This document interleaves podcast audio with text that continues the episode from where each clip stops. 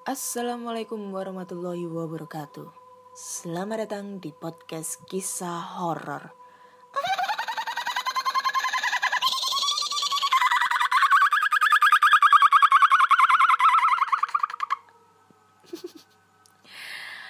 Oke, masih bersama Ana di sini yang akan membacakan cerita horor email berhantu yang sudah dikirimkan teman-teman melalui podcast kisah horor at gmail.com ataupun di DM Instagram podcast kisah horor dan DM Instagram Ana Olive.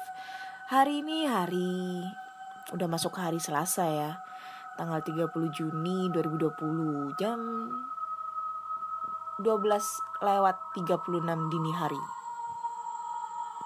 Yap, seperti biasa aku membacakan cerita horor lewat tengah malam. Hmm, biar apa? Biar kalau ngebacainnya itu lebih apa ya, lebih dapet horornya. Selain itu juga menghindari suara-suara bising di luar gitu deh. Hah, udah akhir bulan ya. Kantong udah mulai menipis, apalagi yang nganggur nih kayak gue. Nggak dapet gaji, nggak bisa beli ini itu, nggak bisa jajan kuota aja nggak bisa beli. Sedih deh. Oke. Okay. uh, eh, ini udah banyak banget email yang masuk ya. Aduh terima kasih banyak. Ternyata itu uh, pendengar podcast kisah horor itu apa ya? Ya banyak lah. Banyak banyak banget. Aku kira itu nggak bakalan se-booming ini ya walaupun followers Instagram masih 30-an tapi nggak apa-apa lah yang penting podcast aku udah dikenal. Udah masuk peringkat podcast juga. Minggu lalu peringkat eh nggak minggu lalu ya. Sekitar empat hari lalu lah empat harian lima hari lalu tuh peringkatnya 130 langsung uh, berapa? Turun jadi 150 terus kemudian beberapa hari kemudian naik lagi 134 dan tadi aku cek turun lagi jadi sekitar 150-an lah. Hi. Jadi uh, buat pendengar uh, pendengar semua ya jangan bosen ya kalau aku ngebacain ceritanya mungkin dalam cara pembacaan pembacaan ceritanya, pembawaannya, terus intonasinya mungkin agak kurang greget kali ya, kurang dapet horornya ya aku minta maaf. Aku masih belajar dan aku harap uh, buat yang sudah kirim cerita bisa nerima ya untuk pembawaan ceritanya ini bisa ditangkap dengan baik kayak gitu ya.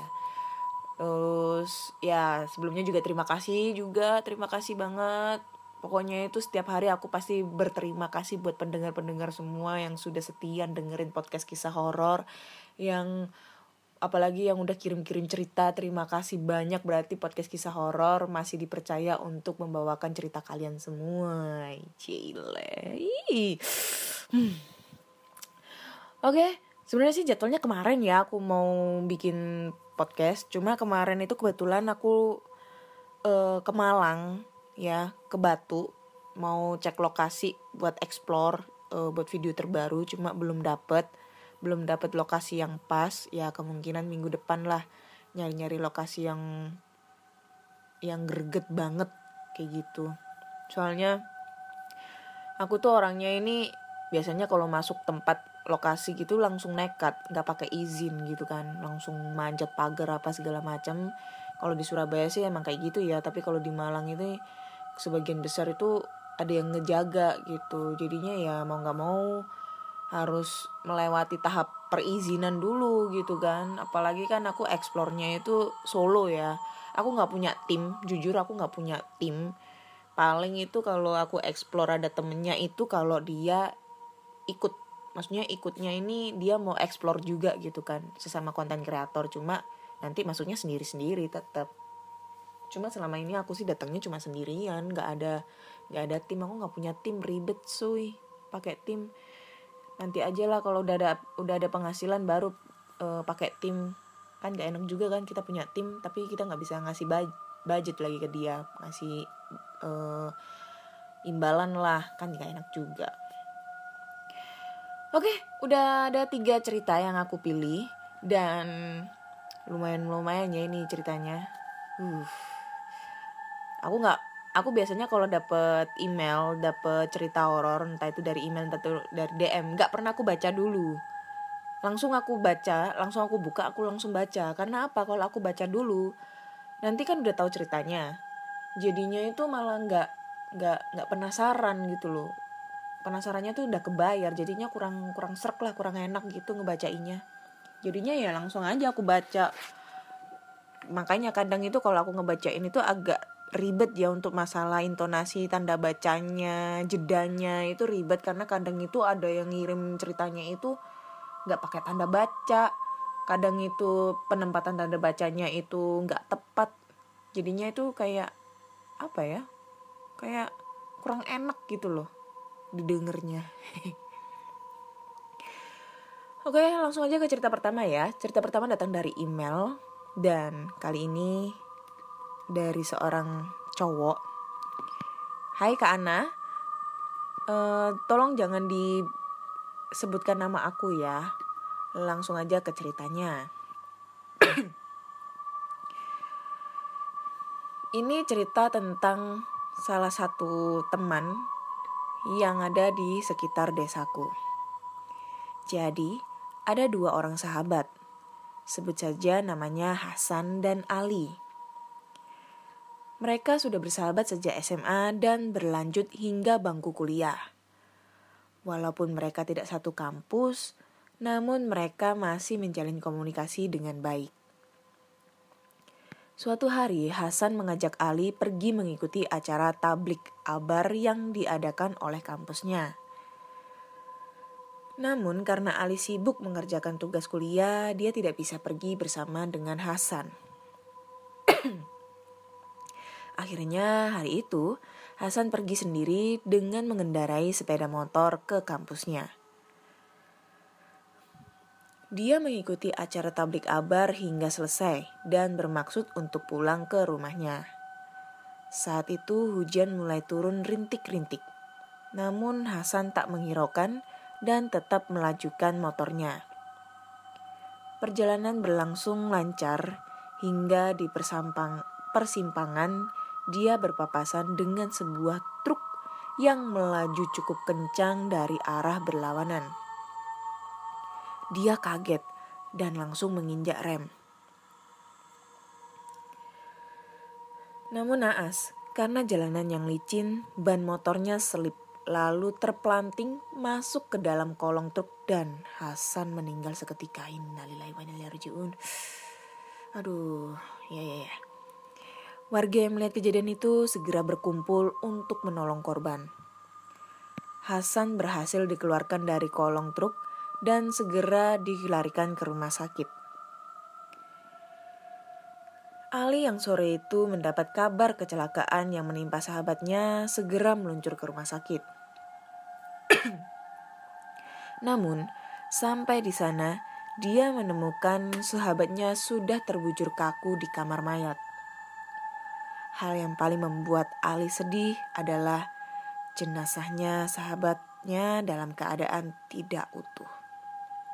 Karena bagian pergelangan dan kaki kanannya tidak ada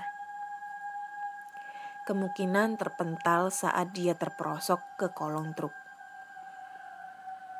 Setelah dicari berjam-jam di TKP, namun tetap tidak menemukan bagian tubuh yang hilang. Jenazah Hasan terpaksa dimakamkan dalam kondisi tidak utuh pada keesokan harinya. Malam itu diadakan doa bersama untuk mendoakan almarhum. Sejak saat itu, Ali yang saat itu tinggal di kos mulai sering dia mulai sering merasa diawasi seseorang dari balik jendela kamar dan juga nampak seperti ada bayangan orang di balik korden. Namun, saat dilihat tak ada seorang pun. Hal itu terus berlangsung hingga hari ketiga kematian Hasan. Saat itu Ali yang sedang bergadang karena mengerjakan tugas kuliah sudah merasakan hal yang tidak enak. Bulu kuduknya pun mulai berdiri dan udara di sekitarnya terasa lebih dingin dari biasanya. Ali berusaha acuh dan fokus pada tugasnya. Namun tiba-tiba lampu mati dan suasana menjadi mencekam. Ali sedang berusaha mencari senter. Saat tiba-tiba dia mendengar ada suara orang yang memanggil namanya. Ali terdiam dan tiba-tiba muncul sosok Hasan di balik jendela kamarnya. Wajahnya bi wajahnya pucat dan bibirnya membiru. Ali yang melihat hal itu hanya diam terpaku dan badannya tak bisa digerakkan. Dia hanya membaca doa dalam hati. Hasan masih ada di balik jendela dan dengan bibir yang bergetar dia berkata, Ali, tolong carikan kakiku yang terlepas. Kakiku ada di rerumputan yang ada di pinggir jalan tempat aku mengalami kecelakaan. Tolong aku, Ali. Setelah mengatakan hal itu, Hasan pun menghilang.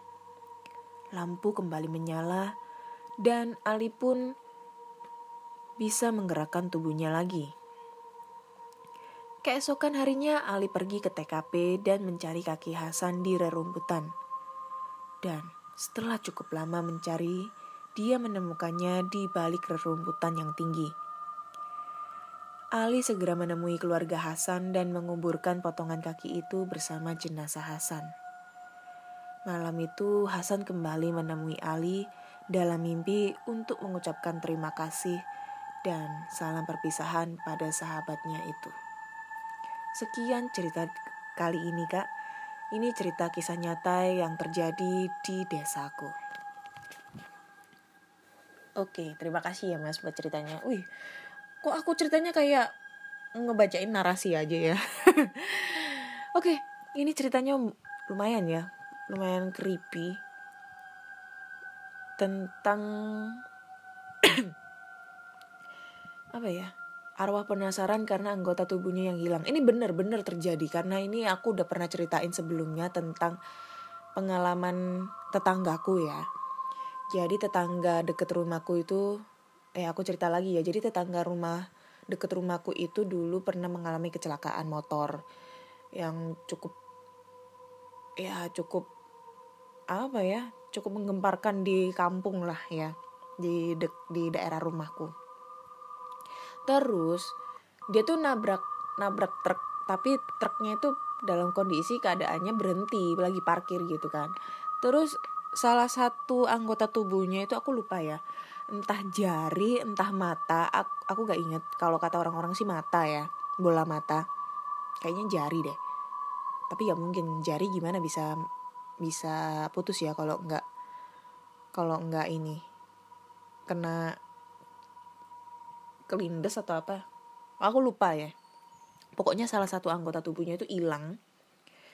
Terus nggak ada yang sadar. Waktu itu tuh nggak ada yang sadar. Maksudnya iya sadar sih ya mungkin ya. Pokoknya itu dikuburkan gitu aja tanpa dicari anggota tubuhnya. Emang hancur gitu. Soalnya nabraknya keras banget guys. Keras banget. Apalagi truknya ini dari truk tronton kan.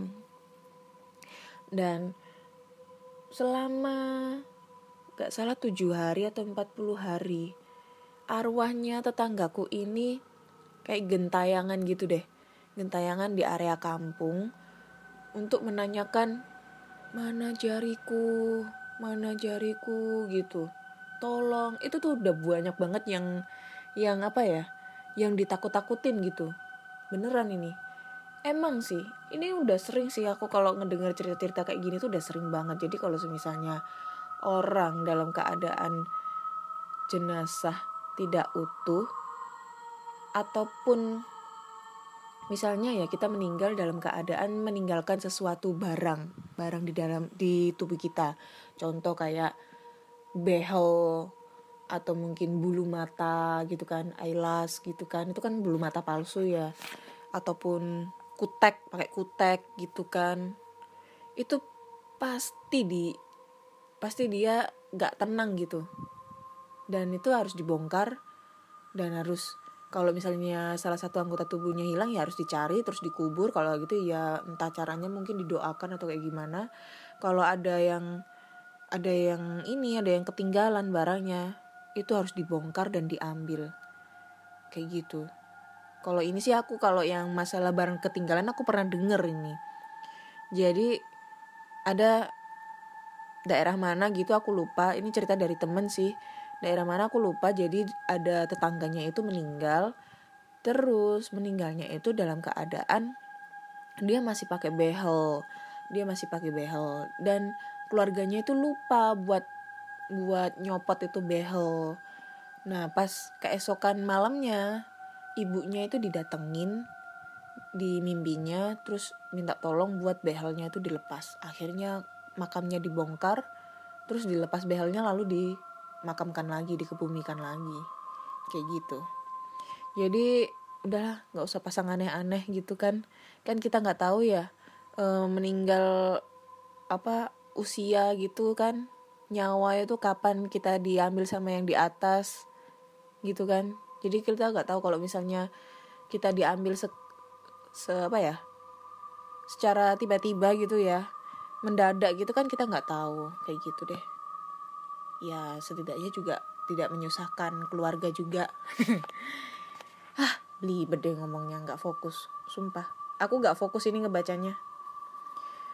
Karena emang tadi aku habis pulang dari nganterin temen ya nganterin temen explore di salah satu bangunan terbengkalai yang pernah aku explore sama di kalau di Surabaya itu kalau kalian tahu itu ada benteng Belanda di dekat Suramadu. Nah itu aku nemenin dia explore dua tempat sekaligus jadinya itu nggak fokus aku sekarang. Oke lanjut lagi kita ke cerita kedua. Cerita kedua ini adalah kiriman email dari siapa ini? No, dia tidak mau disebutkan namanya. Eh bentar. Iya nggak mau disebutkan namanya. Jadi langsung aja ya. Halo Kak Ana, aku mau cerita nih. Aku adalah salah satu pendiri unit kegiatan mahasiswa Ghostbuster Kampus. Mantap ini. Kampusku berada di kawasan Bandung Selatan, Oke, langsung ke cerita saja ya. Kejadian ini berlangsung ketika malam Jumat minggu kemarin. Minggu kemarin, ini dia kirim emailnya udah bulan kemarin. Siangnya, aku dan temanku sebut saja namanya Indra sedang merencanakan untuk ospek mahasiswa yang ingin bergabung dengan komunitasku ini. Lumayan cukup banyak yang ingin bergabung. Aku dan Indra pun mulai menghubungi tim dari komunitasku hanya 10 orang timku yang ikut, dan hanya aku yang bisa melihat makhluk tak kasat mata. Malam pun tiba. Kami mulai membagi kelompok untuk pergi ke BMC, buat yang belum tahu. BMC adalah Bandung Medical Center, bekas rumah sakit terangker di Bandung. Setelah sampai di lokasi, karena aku saja yang mempunyai kelebihan, Akhirnya aku mulai memberi energi positif kepada timku dan peserta yang akan di ospek. Setelah siap, akhirnya kami mulai mengacak kelompok kembali. Masing-masing peserta terdiri dari lima orang. Ganjil kan? Dan dibekali satu buah lilin. Ntar-ntar, kakiku kesemutan deh. Sebenarnya tidak ada pantangan ganjil genap, tapi karena aku ketuanya, jadi timku hanya mengikutiku saja. Semua kelompok pun siap untuk bergegas memutari gedung bekas rumah sakit yang luas dan memiliki empat lantai ini dengan waktu tiga jam untuk mulai uji nyali di ruang yang berbeda. Semua berjalan sesuai rencana, karena untuk mereka mendengar suara tangisan dan ketawa sudah seram, apalagi dengan munculnya penampakan. Pasti untuk pemula sangat-sangat menakutkan. Dua jam pun berlalu. Setelah aku melihat, mulai melihat lihat peserta yang sedang beruji nyali ditemani Indra wakil sekaligus sahabatku, aku melihat satu peserta yang gerak-geriknya sangat aneh. Saat aku bertanya pada peserta itu, "Kenapa kamu melotot saja?" Aku udah tahu kalau dia itu kesurupan. Terus peserta tersebut hanya menggeleng kepala. Lalu aku berbicara lagi. Mau apa kamu masuk ke dalam orang ini? Terus peserta ini ngomong dong, aku senang aja.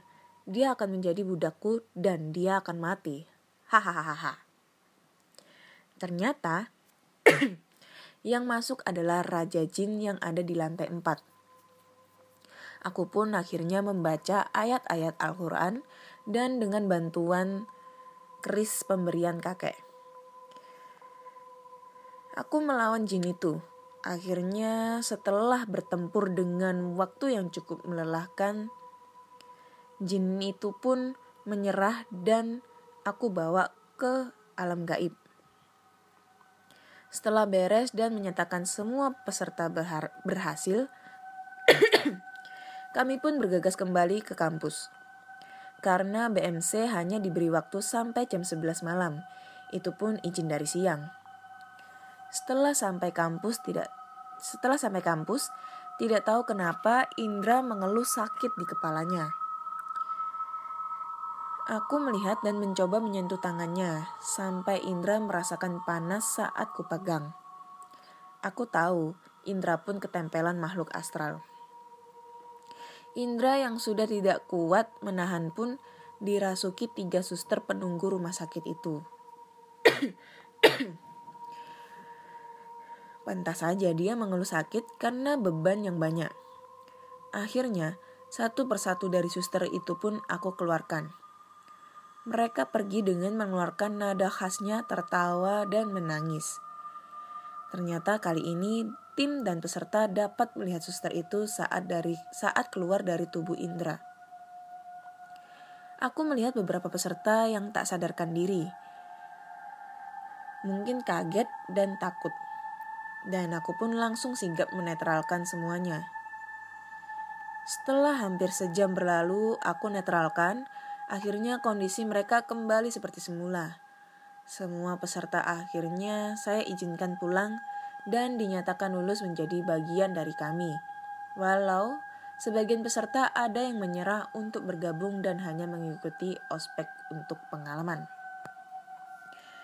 Sekian dulu cerita kali, kali Bleh, sekian dulu cerita dari aku kak. Kali-kali aja dari tadi.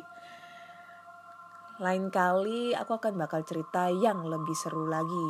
Ditunggu ke Bandung kak. Siapa tahu aku bisa collab explore bareng dengan Kak Ana.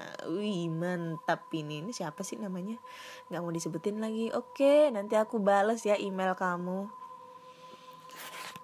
Oh kegiatan mahasiswa Ghostbuster kampus. Emang ada ya? Aku baru tahu loh kalau kampus itu ada UKM yang kayak gini loh. Beneran? Ada kegiatan mahasiswanya kan kayak gini tuh baru tahu ini. Kampusku dulu nggak ada guys. Wih, seru deh kalau ada kayak kegiatan kayak gini. Mungkin di kampus kalian ada kali ya? Di Bandung loh ini. Aku nggak tahu ya kampus mana ya. Bandung Selatan. Nah, klunya Bandung Selatan. Coba deh kalian cari kampus yang ada di Bandung Selatan yang ada kegiatan UKM Ghostbuster Kampus. Wih seru itu pasti. Aduh, kampusku nggak ada. Ah udah udah tua juga ngapain kuliah aku. nggak ada sumpah seru. BMC.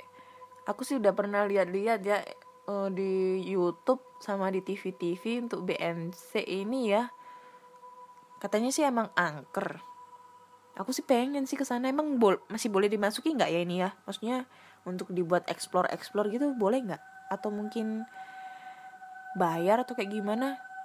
Coba mas. Uh, balas WA eh WA DM DM deh DM di Instagram deh. Pengen deh aku. Nantilah kalau pandemik berakhir aku ke Bandung. Wih mantap kan ke Bandung cuy. Ghostbuster kampus wih. Tapi beneran loh guys. Tapi apa ya? Aku selama ngevlog ya di banyak lokasi ya di banyak lokasi itu belum pernah yang namanya ngelihat penampakan. Belum pernah ya jangan sampai sih. Tapi yo aku penasaran juga sih ya. Maksudnya ngelihat setan itu kayak gimana sih bentuknya? Penasaran ya. Selama ini sih cuma suara suara suara. Yang paling merinding itu ya waktu aku explore di rumah sakit Mardiwaluyo di Blitar. Itu emang merinding banget dan itu banyak banget interaksi suara dibandingkan semua lokasi yang pernah aku datengin loh ya yang yang baru aku datengin itu baru itu aja yang membuat aku merinding dan ketagihan pengen ke sana lagi. Karena emang aku belum puas untuk explore di sana gitu kan. Masih ada lokasi yang belum aku explore di sana. Belum pernah ya. Gimana sih caranya untuk ngeliat-ngeliat kayak gitu? Beneran sumpah. Aku tuh dulu tuh pernah minta di minta tolong untuk dibukakan dibukakan mata batin tapi nggak ada yang mau gitu kan nggak ada yang mau ngebukain. Terus ngeliat-ngeliat di blog kan di di blog di YouTube cara untuk membuka mata batin. Ada yang pakai tirakat puasa put puasa putih. Terus pakai ini segala kayak challenge challenge yang nyisir rambut di tengah malam dalam keadaan gelap di depan kaca. Udah ngusap mata pakai pakai tanah kuburan yang masih basah udah. Maksudnya masuk maksudnya masih basah itu yang masih baru makamnya. Udah. Malam-malam datang ke makam. Udah. Itu aku malam datang ke, ke makam ngapain ya? Oh waktu ada ini. Waktu ada acara prosesi pemakaman sih. Itu udah. Terus pakai payung di dalam rumah. Udah. Apalagi mandi tengah malam. Udah. Apalagi ya? Nyukur alis. Udah itu. Beneran udah aku nyukur alis itu. Tapi nggak ada guys. Terus lagi ini. Ngelihat dari ini kalau kita bungkuk terus ngelihat dari dari kaki gitu selangkangan kaki gitu. Dengan berbalik gitu loh. Di persimpangan gitu atau mungkin di ini jalanan yang tusuk sate itu udah. Dan nggak ada gitu ya. Atau mungkin aku emang nggak peka atau kayak gimana aku juga nggak tahu gitu loh. Kalau ngerasa ngerasain sih iya pernah ngerasa ngerasain tapi selama aku explore di tempat-tempat terbengkalai itu aku nggak pernah ngerasain yang namanya merinding. Beneran nggak pernah. Baru yang yang merasakan merinding itu cuma Mardi Waluyo padahal aku ngajak ada salah satu teman konten kreatorku nama eh teman iya teman konten kreator namanya Samuel Krisma. Ya karena mungkin dia itu peka ya punya six sense. Jadi setiap aku ajak ke lokasi yang udah pernah aku datengin dan aku ngerasanya bi aja itu tuh aku ngeliat dia tuh mesti merinding keringetan padahal di situ nggak panas ya nggak panas nggak nggak pengap dan ya biasa aja. Tapi dia bisa merinding. Sampai aku lihat sendiri tuh merinding merindingnya tuh sampai ke kaki kaki sampai ih sampai ke leher ke lehernya tangan tangannya semuanya itu. Ya nggak tahu sih ya. Mungkin kalian tahu caranya untuk mem untuk bisa ngelihat DM eh mantap DM ya. Oke lanjut lagi kita ke cerita terakhir cerita ketiga ya. Aduh mas jangan lupa ya DM ya. Beneran loh DM nanti kalau pandemik berakhir ini ya di Surabaya berakhir karena Surabaya lagi zona merah ya pasti aku datang ke Bandung. Pengen ke BMC terus mana lagi ya? Katanya tuh di Bandung itu banyak banget lokasi-lokasi angker kayak gitu. Wah pengen. Sama di Semarang. Wah ini cerita. Baru aku ngomong Semarang buka email ternyata dari cerita dari Semarang ini Oke langsung aja Halo Kak Ana nama aku Ya itu kenapa sih nggak pada nggak mau disebutin namanya Oke Aku adalah siswi yang berasal dari salah satu sekolah SMA negeri. Aku duduk di kelas 1 SMA. Sebenarnya, aku bersekolah di Semarang. Tapi karena orang tuaku ditugaskan di Bandung, jadi mau tidak mau aku harus ikut. Oh, berarti udah pindah ke Bandung, guys.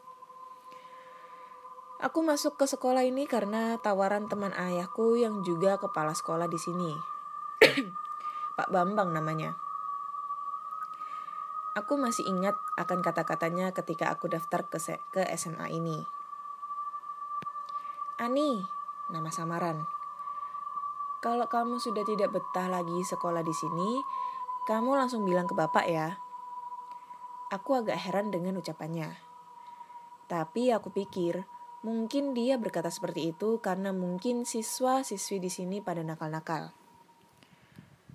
Kelasku berada di lantai paling ujung Kelasnya sangat nyaman dan sejuk. Dari kelas ini aku bisa melihat anak anak sungai dengan jelas dari jendela di sampingku. Tapi di sini beberapa kejadian aneh mulai terasa. Belum ada sebulan aku berada di kelas ini, temanku sempat melihat ada seorang anak kecil hitam berada di di bawah meja guru. Tak lama setelah peristiwa itu, terjadilah kesurupan massal. Awalnya aku sangat kaget dengan kejadian kesurupan massal karena aku baru pertama kali melihatnya. Siswa-siswi di beberapa kelas bertingkah aneh sambil berguling-guling di lantai. Para guru kewalahan menangani mereka sampai dipanggil seorang Pak Ustadz. Setelah selesai, sekolah dipulangkan dengan cepat. Namun beberapa hari kemudian, peristiwa kesurupan massal ini terjadi. Dan lagi-lagi, seluruh teman-temanku berteriak sambil berguling tidak karuan. Tapi kali ini, karena peristiwa kesurupan terjadi di pagi hari, kegiatan belajar mengajar tetap dilanjutkan. Buningsi seorang guru muda yang baik hati masuk ke kelas kami untuk mengajar kesenian. Tapi ada yang aneh dengan Buningsi. Dia tidak terlihat seperti biasanya. Ketua kelas lalu memerintahkan kami untuk berdoa. Tapi Buningsi mengangkat tangannya dan menyuruh kami untuk berhenti. Buningsi mulai berbicara. Dia berkata kalau hari ini dia akan mengajarkan kepada kami sebuah tarian. Tanpa banyak bicara, Buningsi mulai menyalakan musik. Sebuah suara lantunan Jawa mulai terdengar dari speaker, dan Buningsi mulai memperagakan tarian. Siswa-siswi terlihat serius memperhatikannya. Dan tiba-tiba Buningsi mengajak temanku Raka untuk menari. Buningsi mengajarkan Raka menari selangkah demi selangkah. Sorot mata Buningsi terlihat kosong. Buningsi juga mengajak beberapa murid lain untuk menari. Mereka mengikuti di bangku masing-masing. Aku baru pertama kali melihat tarian ini dan gerakannya sangat aneh. Dan tiba-tiba semua siswa-siswi memiringkan badannya serentak ke bawah. Lalu kami semua terpaku. Karena ternyata kaki Buningsih melayang. Dengan perlahan, kami lihat ke atas dan serasa dicekik oleh Buningsih. Kami semua teriak kesakitan. Aku mencoba mengambil penggaris kayu yang berada di sampingku dan mencoba memukulnya. Tapi penggaris kayu itu tembus melewati tubuh Buningsi. Sekarang Buningsi membalikan badannya ke arahku. Dia mulai berjalan ke arahku dan mulai mencekik leherku. Astaga, aku merasakan tubuhku terangkat semakin tinggi. Pandanganku mulai buram dan tiba-tiba Pak Bambang dan para staf sekolah mendobrak pintu. Buningsi langsung melepasku. Dia lalu melompat sangat tinggi dan kemudian dia kabur melalui jendela. Dan itulah pemandangan terakhir yang aku ingat karena setelah itu aku jatuh pingsan. aku mulai membuka mata perlahan. Tepat di hadapanku ada Pak Bambang terus-menerus memberikan minyak kayu putih kepadaku. Aku pun bertanya kepada Pak Bambang apa yang telah terjadi. Lalu Pak Bambang menceritakan kalau mereka berhasil mengejar Buningsih yang hampir menjatuhkan badannya ke sungai. Wih, anjir.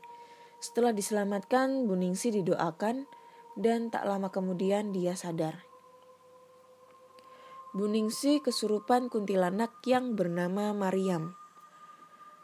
Pak Bambang pun menceritakan kalau Mariam adalah seorang gadis yang meninggal tepat tanggal 17 Agustus 1944 karena ditembak oleh company.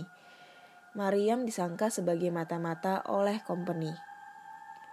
Mariam dikuburkan siang-siang tepat di tengah lapangan sekolah ini. Mariam dikenal pandai menari. Konon katanya Mariam akan mengganggu kalau ada yang memanggil namanya atau bahkan memanggilnya di dalam hati. Hmm, udah ceritanya. Terus siapa yang manggil dong? Kan katanya dia bakal muncul kalau dipanggil ya namanya ya. Emang ada yang manggil gitu namanya? Terus ini apa ya? Aku kalau yang cerita terakhir ini agak uh, antara percaya nggak percaya ya. Yang pertama adalah Bu Ningsi ini kan manusia ya.